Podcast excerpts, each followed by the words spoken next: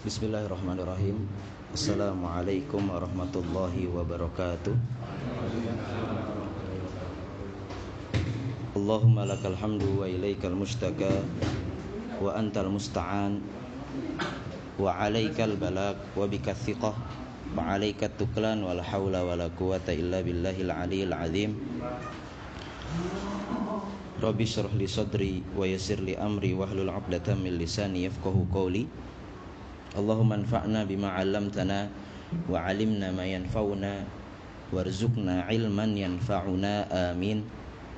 Alhamdulillah hadirin yang dirahmati Allah Alhamdulillah pada hari Sabtu yang berbahagia ini kita bisa merutinkan kembali perjalanan kita bersama Rasulullah Sallallahu Alaihi Wasallam dalam kajian kita kajian pekanan kita yaitu kajian sirah nabawiyah atau kisah perjalanan hidup Nabi Muhammad sallallahu alaihi wasallam.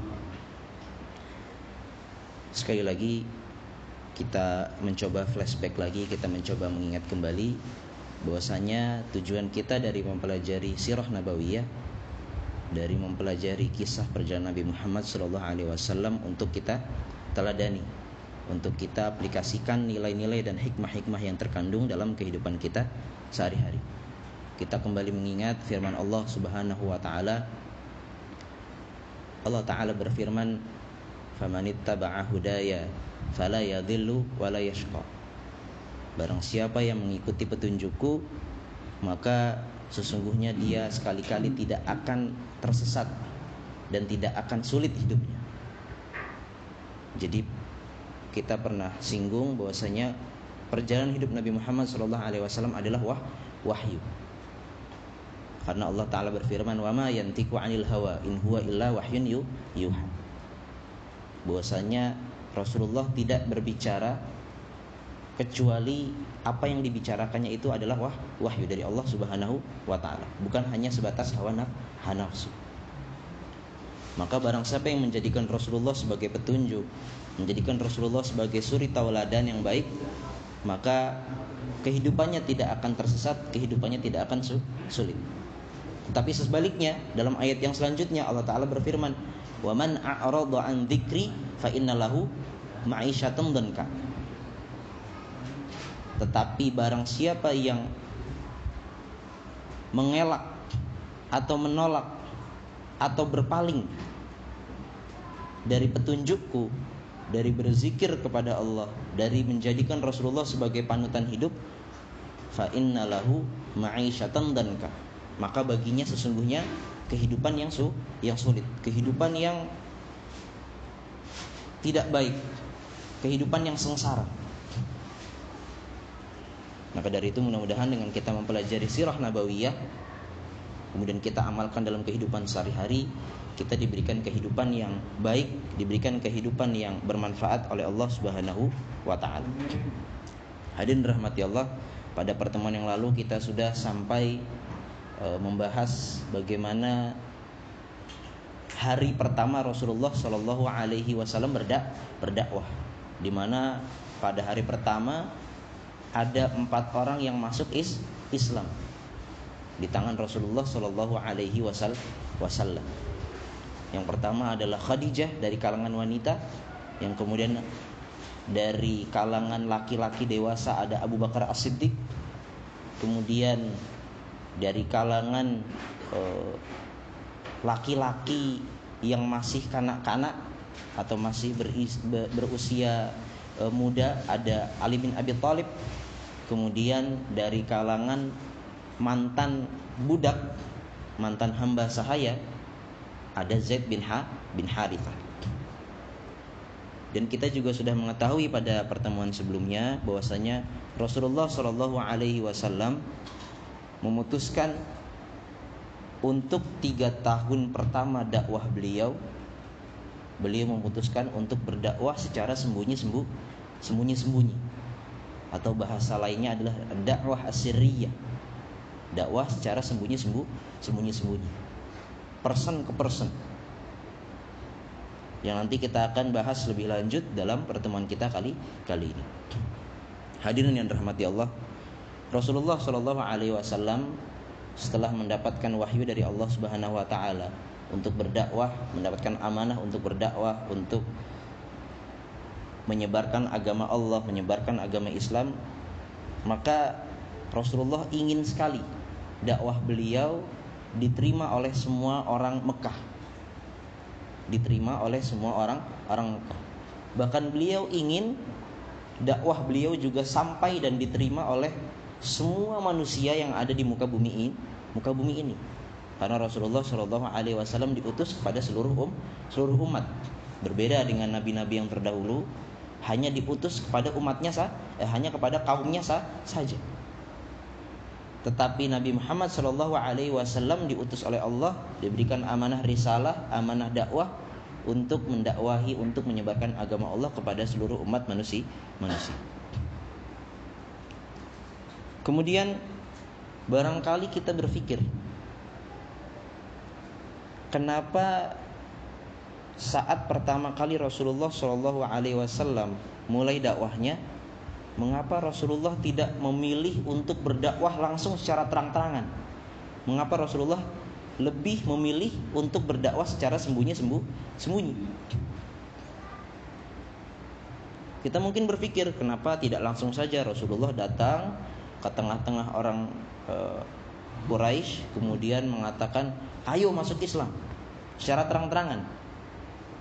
Islam adalah agama Allah. Ayo masuk Islam yang masuk Islam akan masuk surga yang tidak mengikuti Islam dia akan masuk neraka kenapa Rasulullah tidak memilih dakwah secara terang-terangan tetapi beliau memilih apa beliau memilih dakwah secara sembunyi-sembunyi beliau memilih melihat objek dakwah terlebih dahulu. Siapa yang harus didakwahi pertama kali? Pertama kali. Kemudian setelah itu Rasulullah pun mengajarkan kepada orang-orang yang didakwahi ini untuk berdakwah secara sembunyi-sembunyi juga. Di saat Rasulullah mendakwahi Abu Bakar, kemudian Abu Bakar menerima dakwah Rasulullah masuk ke dalam agama Islam, Rasulullah mengajarkan kepada Abu Bakar, Abu Bakar, dakwahi teman-teman secara sembunyi-sembunyi. Jadi begitu. Rasulullah mendakwakan seseorang, setelah itu Rasulullah juga mengajarkan kalau kamu dakwah, dakwah secara sembunyi sembunyi. Yang mana dakwah secara sembunyi-sembunyi ini berlangsung selama tiga, ta tiga tahun. Selama tiga, ta tiga tahun. Dan tiga tahun ini merupakan waktu yang sangat panjang kalau kita bandingkan dari umur Allah alaihi wasallam. Berapa umur dakwah Rasulullah Rasulullah SAW Pak? Ada yang tahu nggak Pak? 23 23 tahun. Eh, 10 tahun di Mekah atau 13 tahun mungkin ya. Nanti selanjutnya di Madinah. 10 tahun di Mekah 13 tahunnya di Madi di Madinah. 3 tahun itu setidaknya satu perlapan dari umur dakwah Rasulullah Shallallahu Alaihi Wasallam. Itu jangka waktu yang cukup panjang.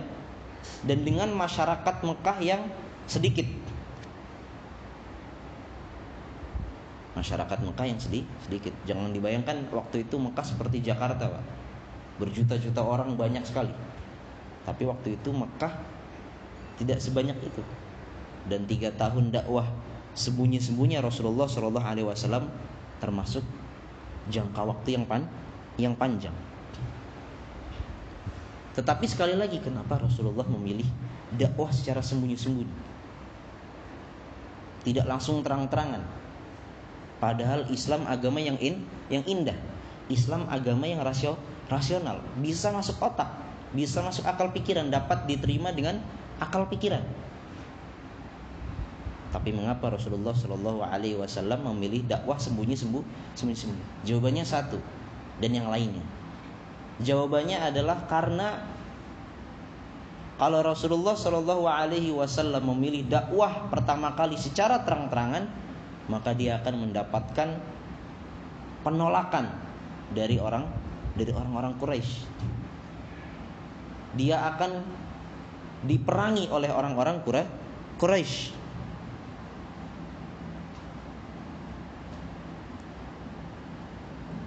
Kemudian ada pertanyaan lagi. Apakah Rasulullah memilih dakwah sembunyi-sembunyi itu karena Rasulullah takut?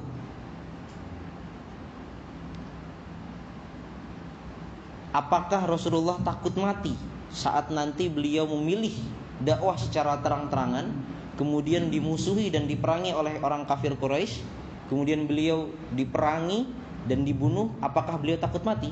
Mungkin kita akan berpikir seperti itu. Tapi jawabannya apa? Jawabannya tidak. Karena Allah Subhanahu wa taala Maha Kuasa. Allah Subhanahu wa taala bisa saja melindungi Rasulullah Shallallahu alaihi wasallam dari penolakan dan apabila diperangi oleh orang-orang kafir Quraisy. Apa yang tidak bisa oleh Allah Subhanahu wa taala? Semuanya bisa. Tetapi mengapa Rasulullah Shallallahu alaihi wasallam memilih jalur dakwah secara sembunyi-sembunyi. Di awal pertama kali di era-era awal dakwah beliau. Maka jawaban yang lainnya selain jawaban yang pertama tadi karena kalau kita lihat sesungguhnya dakwah Siriah ini dakwah secara sembunyi-sembunyi bukan hanya pilihan nabi bukan hanya pilihan Rasulullah Shallallahu Alaihi Wasallam semata, tetapi sesungguhnya dakwah sembunyi-sembunyi ini merupakan amrun ilahi, perintah ilahi, perintah dari Allah Subhanahu wa taala kepada Nabi Muhammad Shallallahu alaihi wasallam. Jadi ini adalah perintah perintah Allah Subhanahu wa taala. Dan juga perintah Allah Subhanahu wa taala untuk berdakwah secara sembunyi-sembunyi ini untuk mengajarkan Allah ingin mendidik Nabi Muhammad Shallallahu Alaihi Wasallam bagaimana cara berdakwah, bagaimana cara menyebarkan agama Allah saat situasi dan kondisi seperti ini, situasi dan kondisi sangat sulit, banyak tantangannya, Begitu juga Allah Subhanahu wa taala ingin mendidik umatnya, ingin mendidik hambanya. Saat nanti Rasulullah Shallallahu alaihi wasallam sudah wafat, di kemudian kita mendapatkan kondisi dan situasi kita seperti sama dengan kondisi Rasulullah Shallallahu alaihi wasallam, maka Allah ingin mendidik kita bagaimana cara menjaga eksistensi dakwah, menjaga eksistensi agama, agama Islam. Di situlah hikmah mengapa Allah Subhanahu wa taala memerintahkan Nabi Muhammad Shallallahu alaihi wasallam untuk berdakwah secara sembunyi sembuh sembunyi.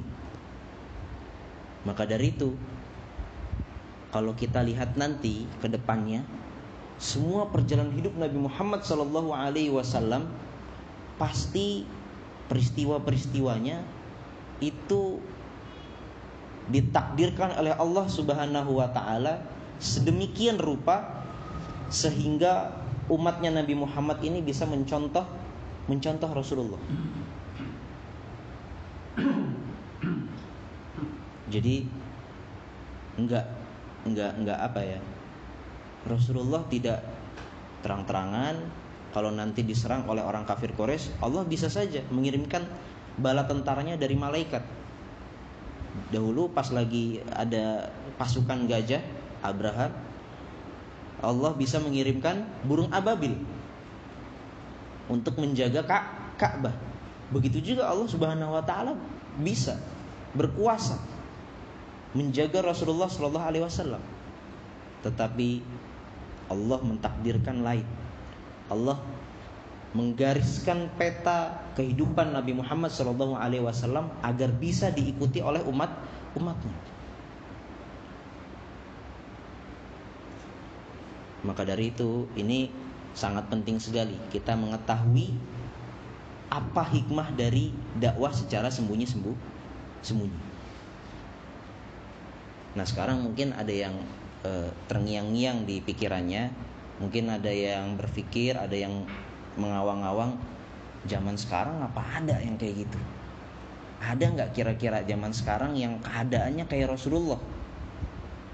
Yang konsekuensinya dia harus dakwah secara sembunyi sembunyi. Ada pak. Jawabannya ah, ada. Dahulu itu saat Uni Soviet masih berdiri masih eksis sekarang Uni Soviet udah nggak ada ya pak ya. Sudah sekarang udah jadi Rusia kemudian banyak pecahan-pecahannya. Tajikistan Kazakhstan eh, Tan-Tan-Tan itu banyak. Nah dahulu pada zaman Uni Soviet masih berdiri kaum muslimin di Rusia itu di Uni Soviet mengalami pembantaian di mana-mana. Mengalami bahasa kerennya diskriminasi tidak boleh memiliki Al-Quran Orang yang ketahuan salat diazab. Orang yang ketahuan puasa diazab. Bahkan saya masih ingat, Pak. Saya masih ingat saat saya kuliah di Madinah. Ini berarti masih empat tahun, empat tahun yang lalu, empat tahun sebelum saya berada di sini. Saya masih menemukan teman-teman saya di kampus yang orang-orang Tajikistan, Kazakhstan itu masih mendapatkan perlakuan seperti itu. Jadi mereka sampai saat ini mereka ini kan rasnya bulunya banyak, jadi jenggotnya tumbuhnya panjang. Tapi saat nanti mereka pulang liburan itu mau nggak mau harus mencukur jenggotnya. Karena apa? Karena kalau ada orang yang berjenggot panjang akan dipenjara, akan terkena hukuman. Bahkan saya masih ingat beberapa orang Rusia itu mereka alhamdulillah dari kampus kita mendapatkan dana untuk membeli buku setiap tahun.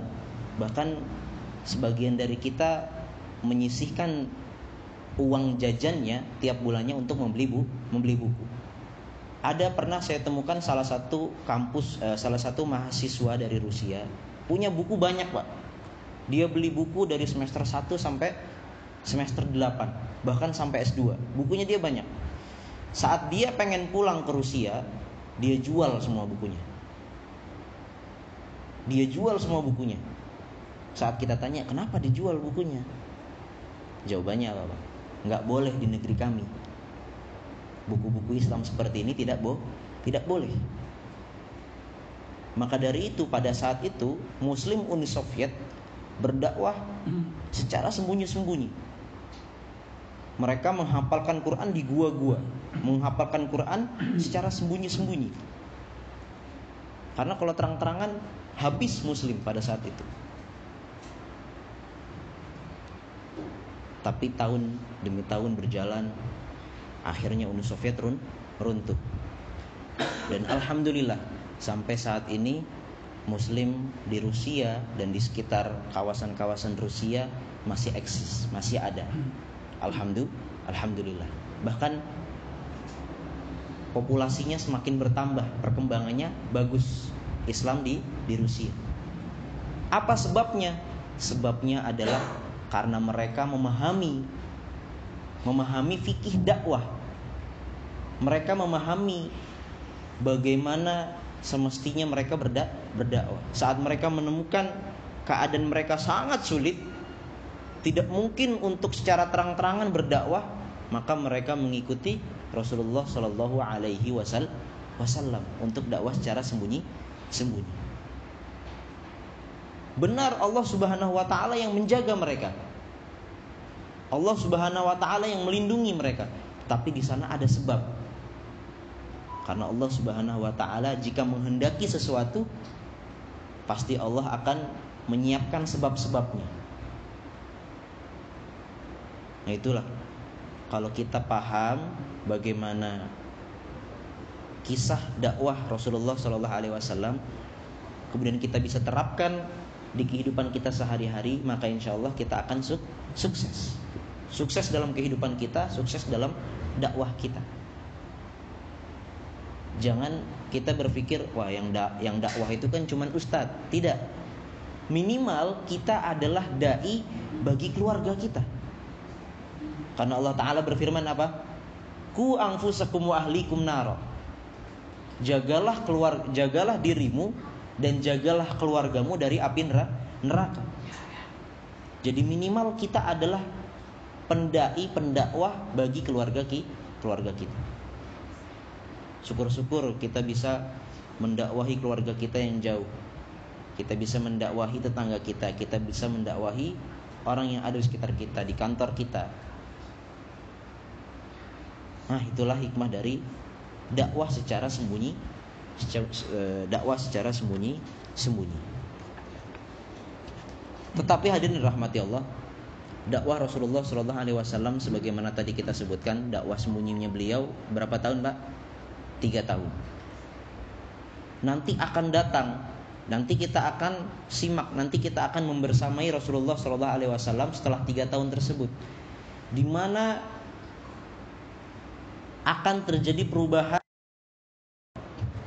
akan terjadi perubahan metode dak metode dakwah. Kita akan mendapati bahwasanya nanti di Mekah itu ada sebagian yang tetap merahasiakan keislamannya tetap dakwah secara sembunyi-sembunyi tapi ada sebagian lagi yang secara terang-terangan mengaku Islam, secara terang-terangan berdakwah kepada pada Islam.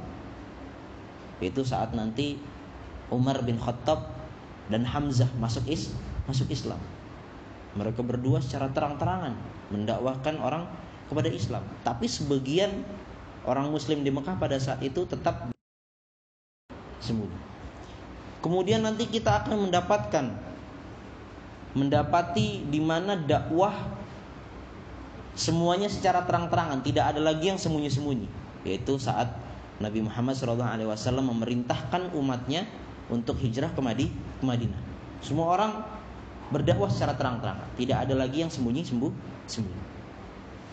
Kita juga akan mendapati nanti Rasulullah SAW mendakwahi bukan hanya orang-orang yang berada di sekitar Mekah dan Madinah, tetapi beliau mendakwahi para pemimpin-pemimpin dunia, dunia, Heraklius dan yang lain-lainnya. Nah,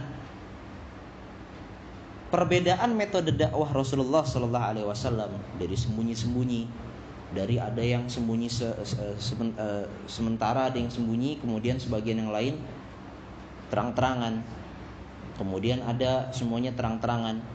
Kemudian nanti Rasulullah SAW mendakwahi pemimpin-pemimpin dunia.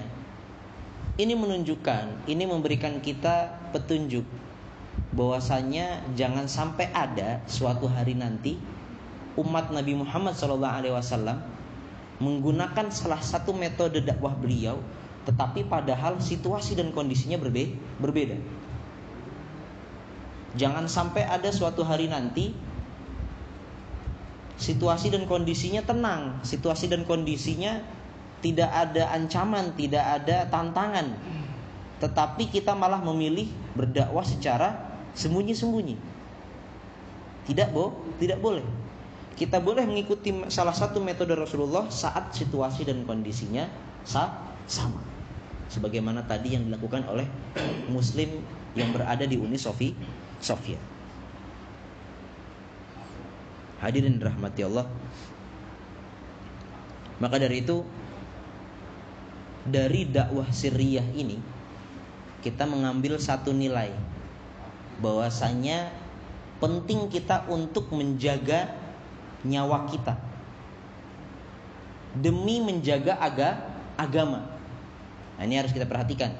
Penting kita menjaga nyawa kita untuk menjaga eksistensi agama bukan hanya menjaga nyawa kita, tetapi tanpa ada konsekuensi eksistensi agama.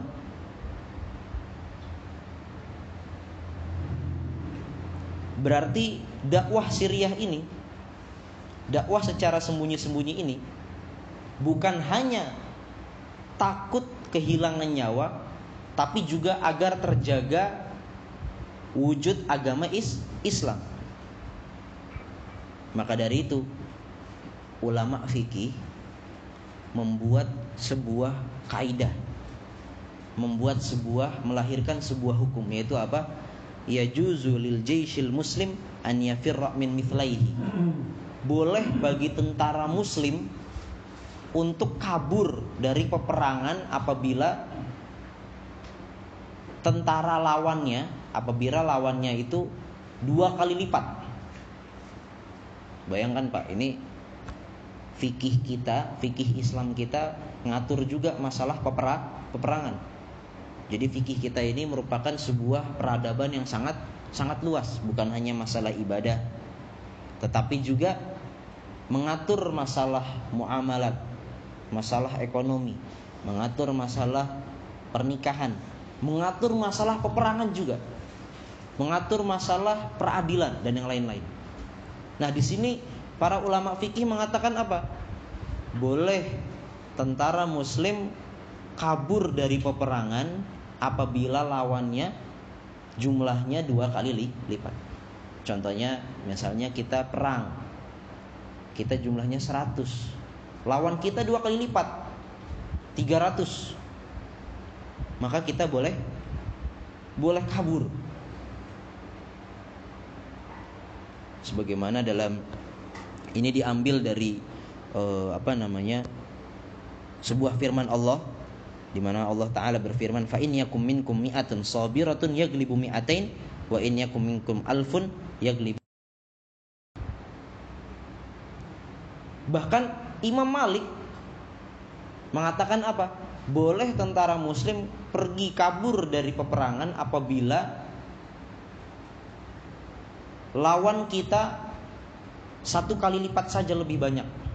Kita 100 lawan kita cuma 2 200 tadi kan 100 lawan 300 baru boleh kabur.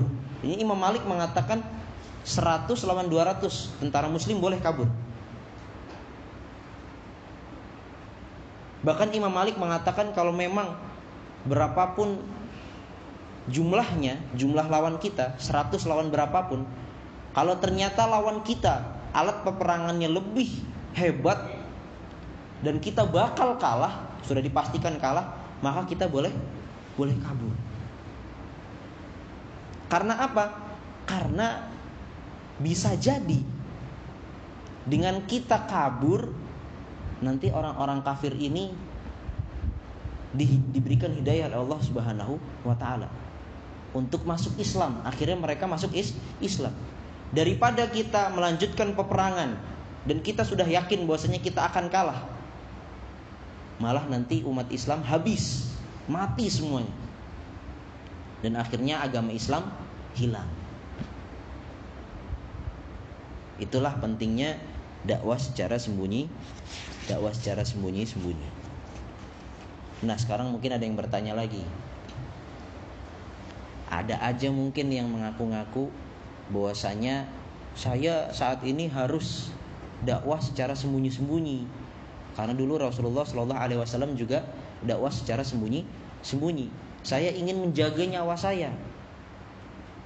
Nah, jadi apa perbedaan orang yang ingin menjaga nyawa demi agamanya dengan orang yang kita bilang apa Pak kalau bahasa Betawi cemen ya Pak ya? Cemen mungkin ya. Apa bedanya orang cemen sama orang yang benar-benar dia menjaga nyawanya demi demi agamanya? Maka perbedaannya adalah yang pertama, kondisi dan situasi.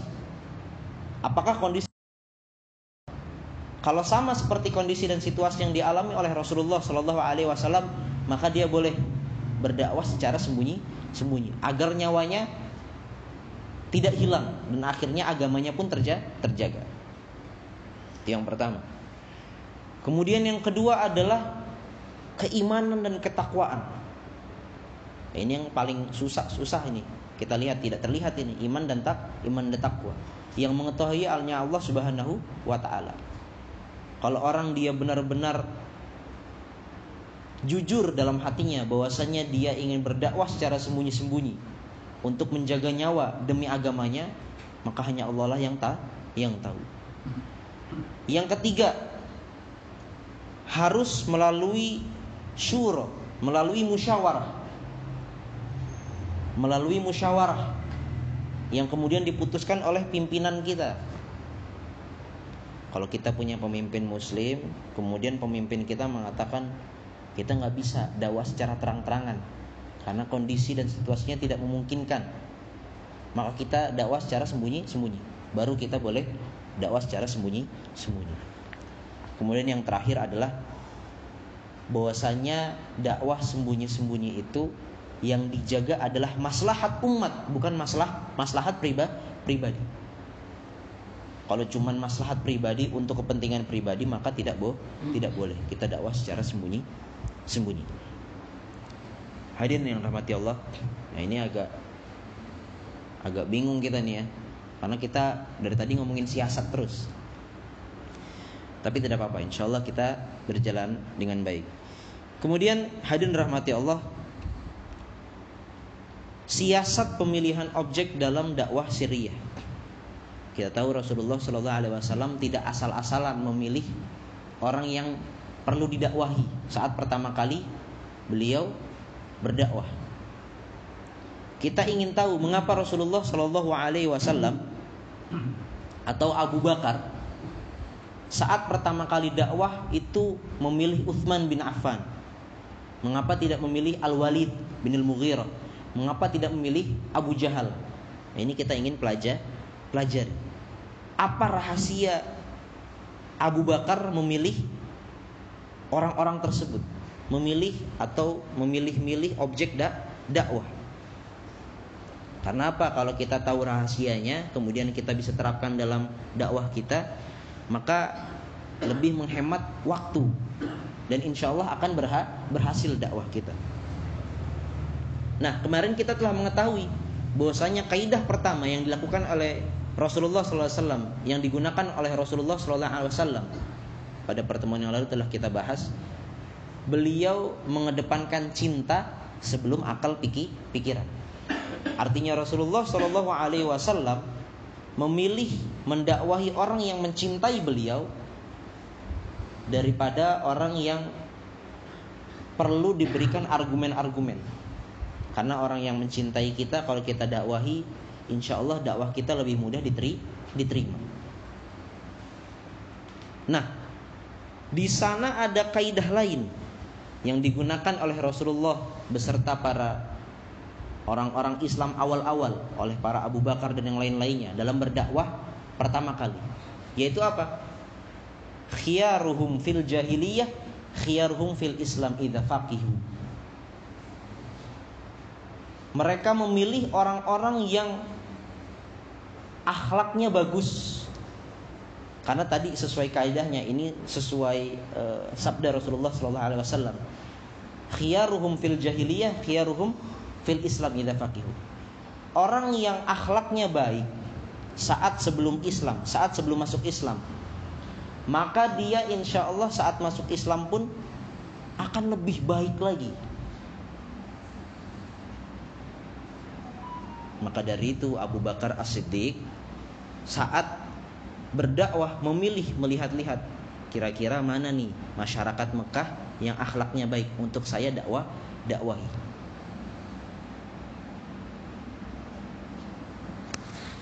Karena pada saat itu kan banyak orang yang belum masuk Islam. Tetapi Abu Bakar As-Siddiq memilih orang yang memiliki akhlak yang mulia, yang mulia agar mudah saat nanti masuk Islam pun dia bisa membantu dakwah is dakwah Islam. Kemudian kaidah selanjutnya yang dipakai adalah ini sangat penting sekali ini. Fokus pada generasi muda. Jadi Abu Bakar As-Siddiq dan Nabi Muhammad SAW di era-era awal dakwah beliau mereka sangat fokus mendakwahi generasi mu, generasi muda. Mengapa Pak?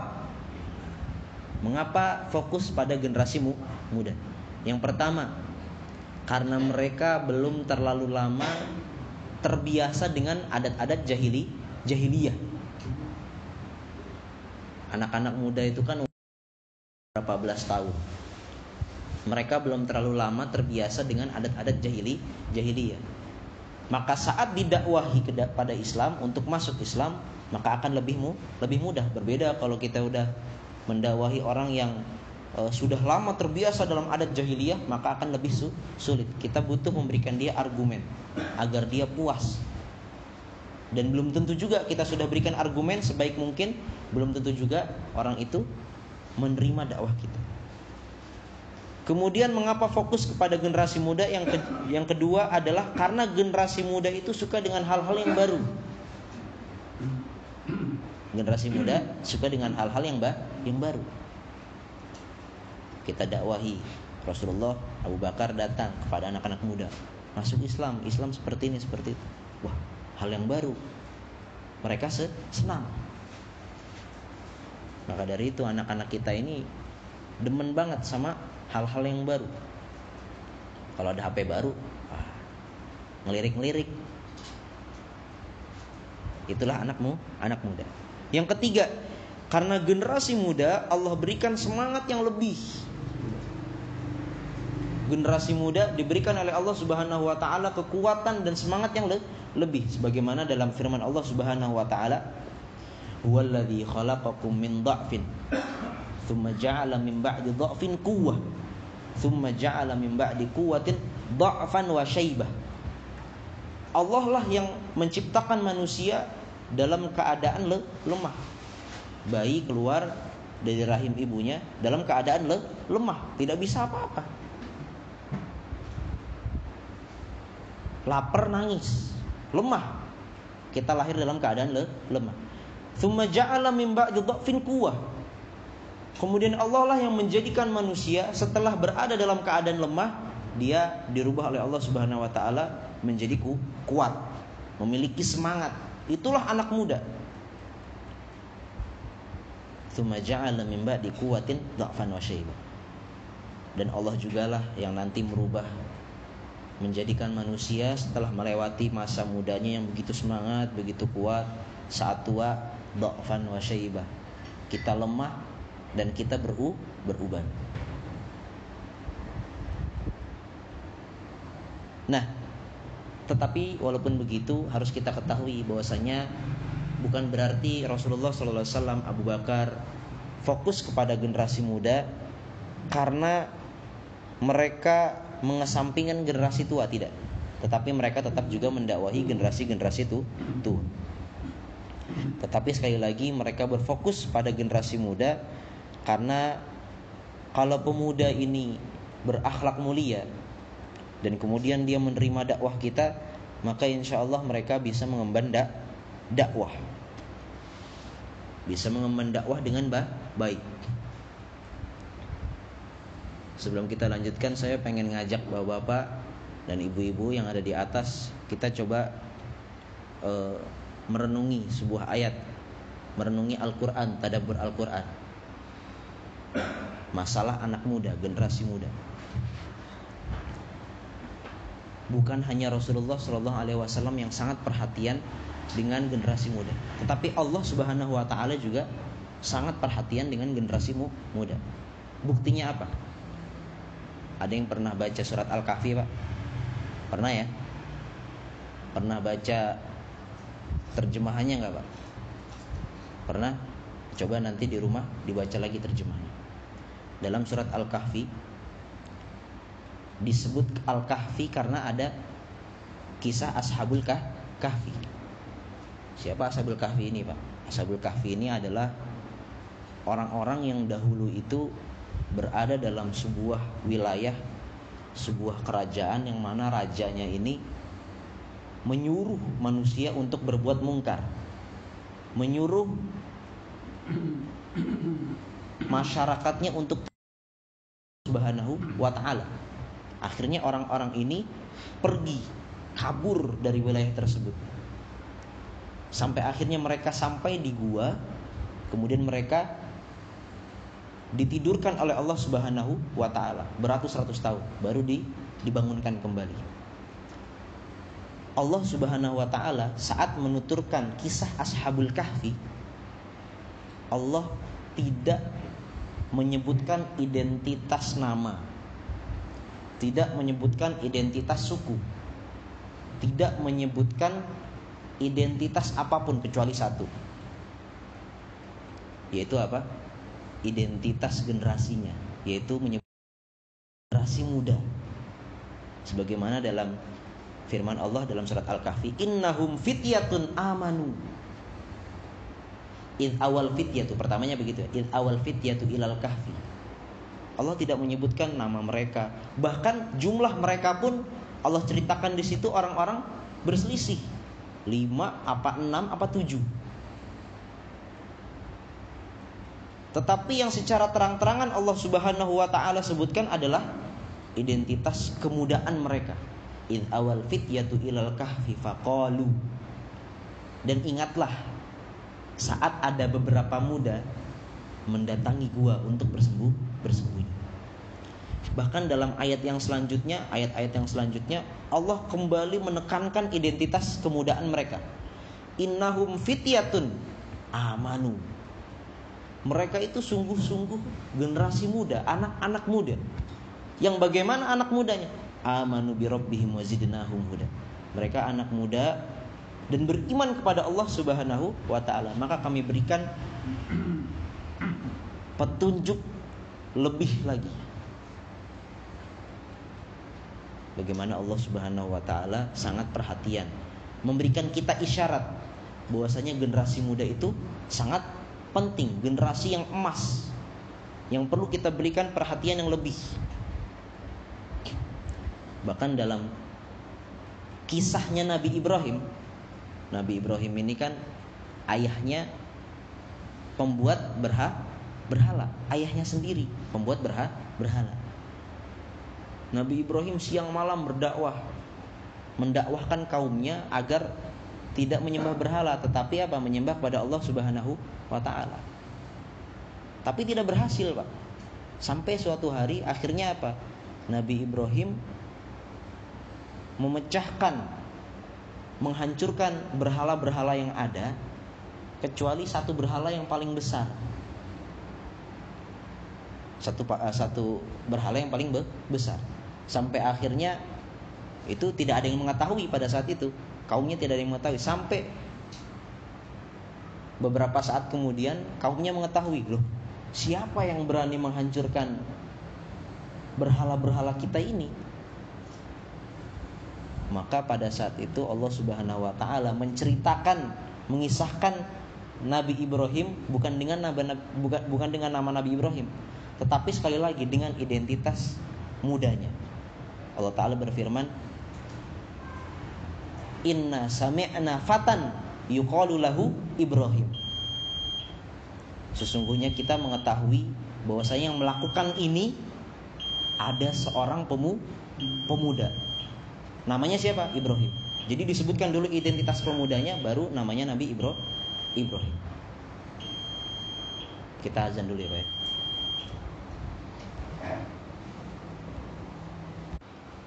Ya hadirin rahmati Allah Itulah tadi Bagaimana pentingnya Kita memberikan perhatian kepada generasi generasi Kita kembali lagi Pada hari kedua Setelah Rasulullah SAW Berdakwah Siriyah di hari pertama Di hari kedua mulailah Rasulullah dan Abu Bakar Dan para kaum mukmin era-era awal mulai berdakwah secara sembunyi sembunyi-sembunyi. Nah, kita perlu perhatikan dakwah Abu Bakar As-Siddiq. Karena Abu Bakar As-Siddiq ini sangat berhasil dakwahnya dan sukses. Banyak orang-orang besar yang masuk Islam dengan perantara Abu Bakar As-Siddiq. Jadi seakan-akan Abu Bakar yang mendapatkan wahyu. Seakan-akan. Dan Abu Bakar ini saat didakwahi oleh Nabi Muhammad untuk masuk Islam, dia tidak berpikir bahwasanya amanah dakwah hanya kepada Nabi Muhammad. Tetapi sesungguhnya dakwah ini juga harus saya emban, harus saya dakwahkan, harus saya sebar.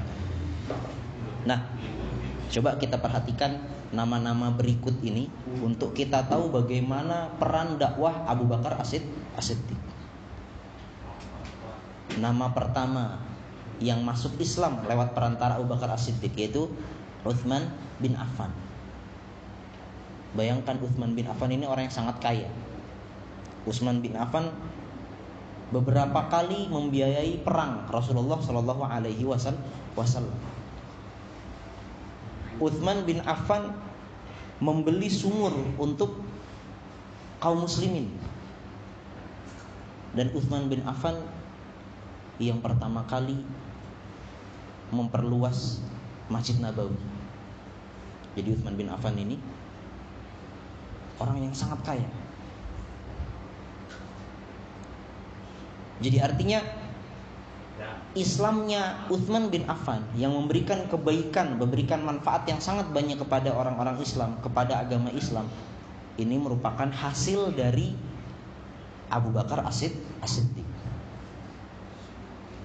Jadi begitu besar peran dakwah Abu Bakar Asid As-Siddiq. Kita dengarkan nama yang kedua. Yang kedua adalah Zubair bin Awam. Yang ketiga Sa'ad bin Abi Waqqas. Talhah bin Ubaidillah, Abdurrahman bin A bin Auf. Ada berapa pak? Ada lima. Utsman bin Affan, Zubair bin Awam, Sa'ad bin Abi Waqqas, Talhah bin Ubaidillah, Abdurrahman bin A bin Auf. Dan lima orang ini, lima sahabat Rasulullah ini Islam di tangan Abu Bakar Asid Asid. Dan lima orang ini termasuk kategori al-mubasyari nabil jannah. Orang yang diberikan berita gembira oleh Rasulullah Shallallahu Alaihi Wasallam untuk masuk sur surga. Langsung masuk surga nanti. Bayangkan bagaimana besarnya peran dakwah Abu Bakar Asid Asid. Dan yang mengherankan lima orang ini sukunya tidak berasal dari suku yang sama dengan sukunya Abu Bakar Asid Asiddiq kecuali satu kecuali Tol Tolhah. Loh, kenapa? Karena pada zaman dahulu itu kesukuan masih kuat kesukuan masih kuat. Abu Bakar bisa menarik ke dalam Islam, bisa mendakwahi dan berhasil memasukkan mereka ke dalam Islam. Bahkan mereka dari suku yang berbeda dengan sukunya Abu Bakar As-Siddiq.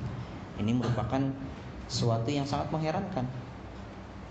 Yang insya Allah pada pertemuan selanjutnya kita akan mengetahui kenapa sih, apa sebab kesuksesan dakwahnya Abu Bakar Asid Uthman bin Affan suku Umawi. Zubair bin Awam sukunya Asadi. Sa'ad bin Abi Waqqas dan Abdurrahman bin Auf sukunya adalah Bani Bani Zahra ini menunjukkan bahwasanya Abu Bakar ini sangat dekat dengan berbagai macam su suku. Sangat dekat dengan orang-orang walaupun berbeda dengan sukunya dengan dia. Bahkan yang perlu kita perhatikan lagi nah ini lagi-lagi. Dari lima orang itu tiga di antaranya anak muda. Zubair bin Awam saat itu saat masuk Islam umurnya 15 tahun. Talhah bin Ubaidillah umurnya 16 tahun. Sa'ad bin Abi Waqqas umurnya 17 tahun. Sementara Uthman bin Affan umurnya 28 tahun dan Abdurrahman bin Auf umurnya 30 tahun. Artinya lebih dari setengah yang pada hari kedua didakwahi oleh Abu Bakar As-Siddiq adalah generasimu muda. Jadi anak-anak muda inilah yang sangat berjasa terhadap is Islam. Memberikan kebaikan dan kemanfaat kemanfaatan yang sangat banyak yang kita rasakan pada hari pada hari ini. Kalau kita bayangkan sekarang anak muda umur 15, 16, 17 tahun ngapain, Pak? Ini yang harus kita perhati perhatikan. Bahkan ada satu cerita lagi, Pak. Izinkan saya cerita satu lagi. Dahulu Islam pernah bersinar di mana? Di Andalus, di Spa, di Spanyol. Di negerinya Madrid dan Barcelona. Sampai akhirnya beratus-ratus tahun kemudian umat muslim diusir oleh siapa? Oleh Ratu Isabella kalau kita mungkin tahu ada lagu Isabella. Nah, Isabella ini yang mengusir orang muslim paling terakhir di Anda di Andalus. Bahkan Isabella bersumpah tidak akan melepas baju yang digunakannya, tidak akan mengganti baju yang dipakainya sampai dia mengusir orang paling terakhir, orang muslim paling terakhir di Andalus. Lihat, Gimana semangat kekufurannya. Suatu hari Isabella ngirim mata-mata ke perbatasan. Dikirim perbatasan. Sampai di perbatasan mata-mata itu melihat ada anak umurnya 8 tahun di bawah pohon lagi nangis. Mata-mata itu tanya, kenapa menangis? 8 tahun pak. Aku menangis karena tadi ketapel saya batunya tinggal satu. Di atas pohon ada dua burung. Saya pengen dengan satu batu ketapel ini dua-duanya kena. Tapi ternyata yang kena cuma satu, yang satu lagi kabur. Saya sedih. Lah, kata matemat ini sudah bagus, 50 persen. 50 persen sudah tercapai. Kata anak itu apa? Enggak.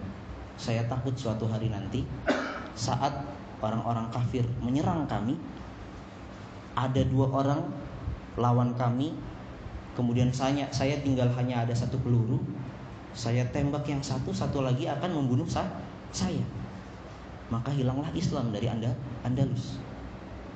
Maka pada saat itu mata-mata itu kembali kepada Islam. Bela, belum waktunya kita nyerang. Belum waktunya kita nyerang. Karena apa? Anak mudanya begitu, 8 tahun. Anak mudanya begi, begitu. 20 tahun kemudian kembali lagi mata-mata yang sama ke perbatasan melihat anak muda di bawah pohon yang sama. Anak muda umur 20 tahun. Lagi nangis juga sama. Mata-mata bertanya, Kenapa kamu menangis? Maka kata anak itu, anak muda itu umur 20 tahun. Aku tadi janjian dengan pacarku untuk ketemuan sebelum zuhur. Tapi sampai matahari terbenam dia tidak terlihat. Maka aku takut terjadi kenapa-kenapa dengan pacarku. Pada saat itu mata-mata pulang kepada Isabella mengatakan, "Laqad hanal waktu. Sudah waktunya kita serang." Diserang akhirnya. Andalusia. Orang-orang muslim diserang dan akhirnya habislah orang-orang mus muslim di Andalusia. Dan sebab runtuhnya Islam di Andalusia diceritakan oleh salah satu ulama dari Andalusia, dari Cordoba, yaitu Abu Abbas Al-Qurtubi. Mengatakan apa? Saat ditanyakan apa sebab keruntuhan Islam di Andalusia? Abu Abbas Al-Qurtubi mengatakan inna madzalika bisababil fawahish minhum bil ijma' min syubbanihim bil fi'l wa min syuyukhihim bil iqrar. Sebab runtuhnya Islam di Andalus karena kemungkaran maksiat tersebar di mana-mana. Dilakukan oleh semua generasi. Generasi mudanya melakukan kemungkaran melakukan maksiat. Wa min syuyukhihim bil iqrar. Tetapi orang tuanya tidak pernah menasehati tidak pernah memperdulikan. Maka dari itu inilah pelajaran yang sangat penting bagi kita untuk memberikan lebih perhatian kita, memberikan pendidikan yang lebih penting, eh, memberikan pendidikan yang lebih baik kepada generasi-generasi muda. Apalagi pada zaman sekarang media televisi kita, media sosial sangat banyak sekali keburukan-keburukan yang ada padanya dan sekarang media sosial mudah sekali digenggam oleh anak-anak anak-anak kita. Inilah kajian kita pada hari ini. Mudah-mudahan pelajaran kita pada hari ini bermanfaat bagi dunia dan akhirat kita. Insya Allah kita akan bertemu kembali pada pertemuan selanjutnya. Mudah-mudahan kita, mudah-mudahan kita diberikan oleh Allah umur yang panjang, diberikan keistiqomahan dalam ketaatan Subhanakallahumma wa bihamdika asyhadu an la ilaha illa anta astaghfiruka wa atubu ilaik. Wa sallallahu ala nabiyyina Muhammadin wa ala alihi wa sahbihi wasallam.